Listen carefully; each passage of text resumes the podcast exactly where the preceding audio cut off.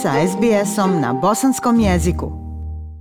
Aisha, pozdrav tebi i slušateljima SBS radija. 30 godina je prošlo od kada su građani tadašnje Republike Bosne i Hercegovine referendumom odlučili da Bosna i Hercegovina bude nezavisna država. I upravo u Sarajevskoj vječnici 1. marta održan je svečani prijem povodom Dana nezavisnosti Bosne i Hercegovine. Domaćini su bili predsjedavajući i član predsjedništva Bosne i Hercegovine Željko Komšić te Šefik Džaferović. Đurić.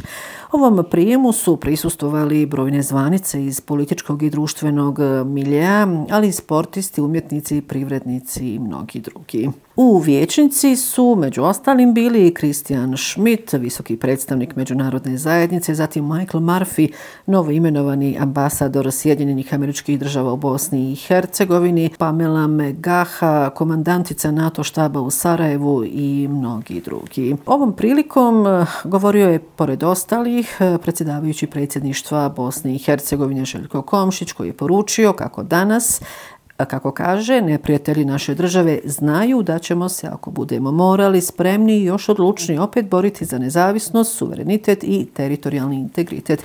Poslušajte Željka Komšića. Želio bih danas, kada obilježavamo 30 godina od sticanja nezavisnosti kao građani Bosne i Hercegovine, zaboravimo sve naše unutarnje ideološke političke razlike i da budemo ponosni na ono što imamo. Tek ukoliko budemo cijenili ovo što trenutno imamo, a državu imamo, moći ćemo da u budućnosti izgradimo državu po mjeri svih njenih građana, suverenu, nezavisnu i naglašavan sigurnu. Naša zemlja trenutno nije onakva kako su je njeni odani borci zamišljali prije 30 godina, ali nije ni onakva kakvom su je zamišljali njeni neprijatelji niti će ikada takva da bude. Na ovom prijemu govorio je i e, član predsjedništva Bosne i Hercegovine Šefik Džaferović koji je naveo da je prije tri decenije demokratska volja građana iskazana na legalan i transparentan način uz punu saradnju sa međunarodnom zajednicom. Evo riječi i Šefika Džaferovića.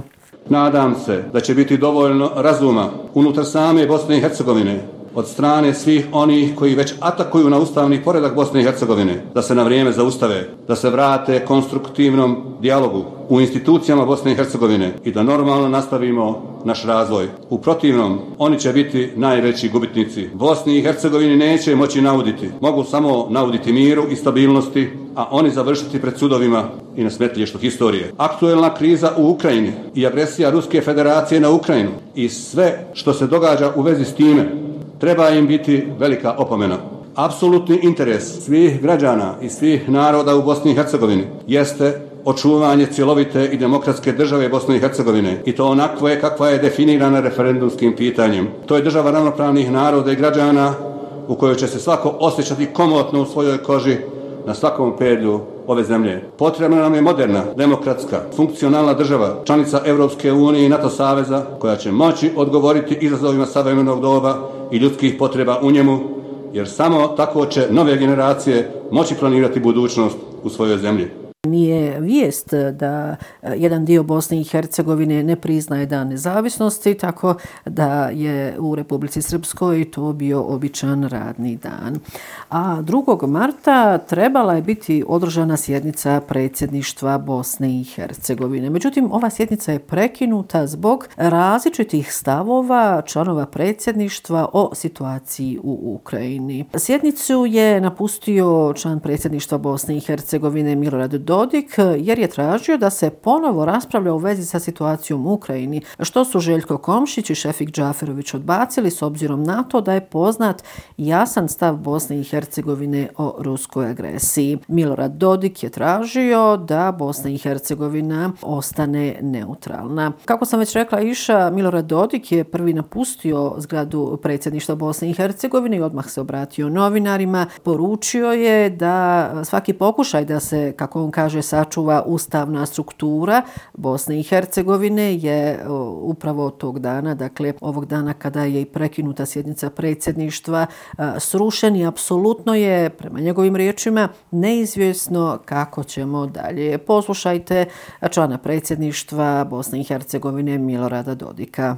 Gospoda su odlučili da sruše ustav. E, iz tog razloga smatram da je potpuno ovaj, neprimjerno nastaviti rad u ovakvim okolnostima i zato sam na, napustio današnju sjednicu predsjedništva s napomenom da sam protiv sve jedne tačke dnevnog reda da ću uložiti vitalni nacionalni interes ukoliko bilo ko donese bilo kako odluk te vrste. A evo šta je potom novinarima kazao predsjedavajući predsjedništva Bosne i Hercegovine Željko Komšić. Vezano za situaciju u Ukrajini Dodik je tražio raspravu pozivajući se na činjenicu da su na teritoriju Ukrajine nastale dvije nove države. To je nešto što je po meni apsolutno neprihvatljivo kao stav i to je nešto što gotovo cijeli svijet nije priznao, odnosno ja ne znam da je jedna druga zemlja to pristala sem Ruske federacije. Novinarima se obratio i član predsjedništva Šefik Džaferović koji je pojasnio e, da Bosna i Hercegovina već ima stavove o ruskoj agresiji na Ukrajinu. Dakle, evo i riječi Šefika Džaferovića. Hoću da to bude tako, bez obzira je li to tako u zakonu, bez obzira je li to tako u ustavu, bez obzira je li to tako u utvrđenoj strategiji politike. I ako to ne bude tako, onda nema predsjedništva, nema Bosne i Hercegovine i onda on radi to što radi. E, ne može tako. Niko ne može u Bosni i Hercegovini tako. Ni Dodik, ni Komšić, ni Žaferović. Postoji red kojeg se moramo svi pridržavati i poštovati ga. I to je suština. I ja sam duboko uvjeren da je Bosna i Hercegovina na pravom putu kada su u pitanju njene odluke sprem ruske agresije na Ukrajinu. A i što rekla sam već prošli put da e, građani Bosne i Hercegovine sa velikom pažnjom i zanimanjem prate napad, odnosno agresiju Rusije na Ukrajinu i u svakodnevno gledajući ove slike razaranja velikih i malih gradova u Ukrajini, stanovnici Bosne i Hercegovine se sjećaju ratnih e, godina u našoj zemlji. 2. marta u poslanici Sarajevske opće bolnice primarius dr. Abdullah Nakakš okupili su se ispred ove zdravstvene ustanove kako bi, kako su rekli, na simboličan način pružili podršku stanovništvu i medicinskim radnicima u Ukrajini. Zaposlenici ove zdravstvene ustanove su nosili balone e, u žutoj i plavoj boji, dakle u boji zastave Ukrajine. Slike razaranja koje svakodnevno pristižu iz Ukrajine e, probudile su bolne uspomene na period agresije na Bosnu i Hercegovinu i to su na neki način poručili zdravstveni radnici u bolnice Abdullah Nakaš u Sarajevu. Situaciju koju gledamo u Ukrajinu upoređujemo sa situacijom kroz koju smo mi prošli. Svjedočili smo velikom broju povrijeđene djece i civila, poručili su uposlenici e, zdravstvene ustanove Abdullah Nakaš u Sarajevu. Evo i turistički radnici u Međugorju priključili su se velikoj humanitarnoj akciji sa ciljem smještaja ukrajinskih izbjeglica, a u tom mjestu trenutno se nalaze dvije porodice iz Ukrajine. Iz udruge turizma, hotelijerstva i iznajmljivača soba u Međugorju ponudili su pomoć organizacijama koje pomažu u humanitarnoj krizi nastaloj ruskim napadom na Ukrajinu. Predsjednik udruge udruge Davor Ljubić je kazao na ovaj način želimo pokazati da nam posao nije samo prihvat hodočasnika, već i pomoć ljudima kada su u nevolji. Za sada nemamo najava dolaska velikih organizovanih grupa, e, kazao je Davor Ljubić i dodao da su ih predstavnici humanitarnih organizacija obavijestili da se trenutno ukrajinske izbjeglice uglavnom smještaju u obližnje zemlje.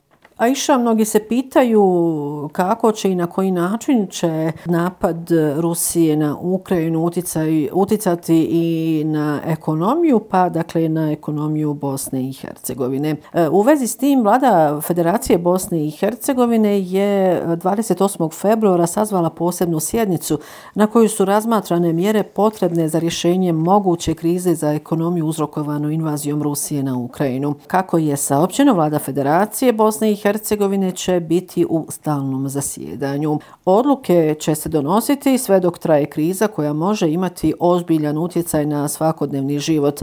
E, to je rečeno na pres konferenciji nakon sjednice vlade Federacije Bosne i Hercegovine u Mostaru 28. februara. Ovom prilikom premijer Federacije Fadil Novalić poručuje građanima da nemaju razloga za paniku. Objasnio je da je usvojen i u parlamentarnu proceduru upućen rekordni budžet težak skoro skoro 5 milijardi i 600 miliona konvertibilnih maraka, e, te da vlada ima sve kapacitete. Umjesto dosadašnja 2 miliona konvertibilnih maraka za robne rezerve smo osigurali 20 miliona konvertibilnih maraka, a sada su na raspolaganju zalihe koje mogu biti dovoljne do naredne žetve.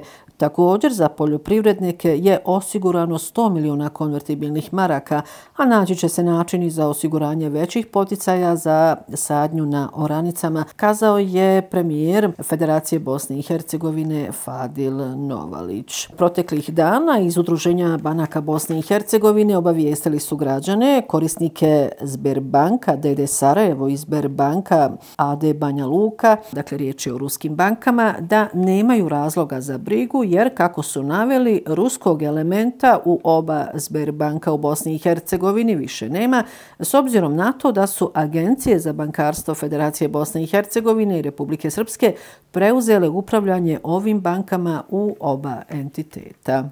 Eto, Iša, toliko ovoga puta iz glavnog grada Bosne i Hercegovine. Još jednom vam lijepe pozdravi iz Sarajeva, šalje Semra Duranović-Koso. Like, share, comment. Pratite SBS Bosnian na Facebooku.